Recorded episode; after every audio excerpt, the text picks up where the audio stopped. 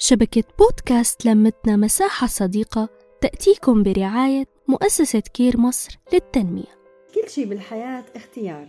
يا سادة يا زيادة يا مزبوط. وأنا اخترت كون معكم ببودكاست سكر زيادة. يسعد مساكن مني أنا صفاء محمد.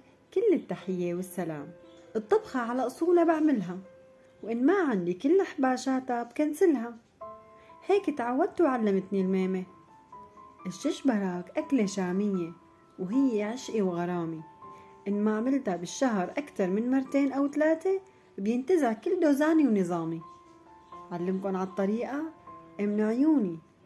ثلاثة كيلو لبن دوبي معهم أربع معالق نشا وبيضة وبالخلاط اضربيهن وعالطنجرة بالمصفاية صفيهن وملح حسب الحاجة ضيفيلهن.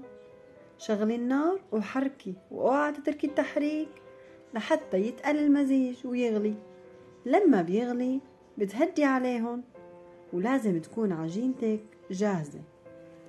شلون بدك تجهزيها؟ بتجيبي كاستين طحين ورشة ملح ومي حسب الحاجة وتزيديها. بتخمريها نص ساعة وبهالأوقات الحشوة لازم تجهزيها.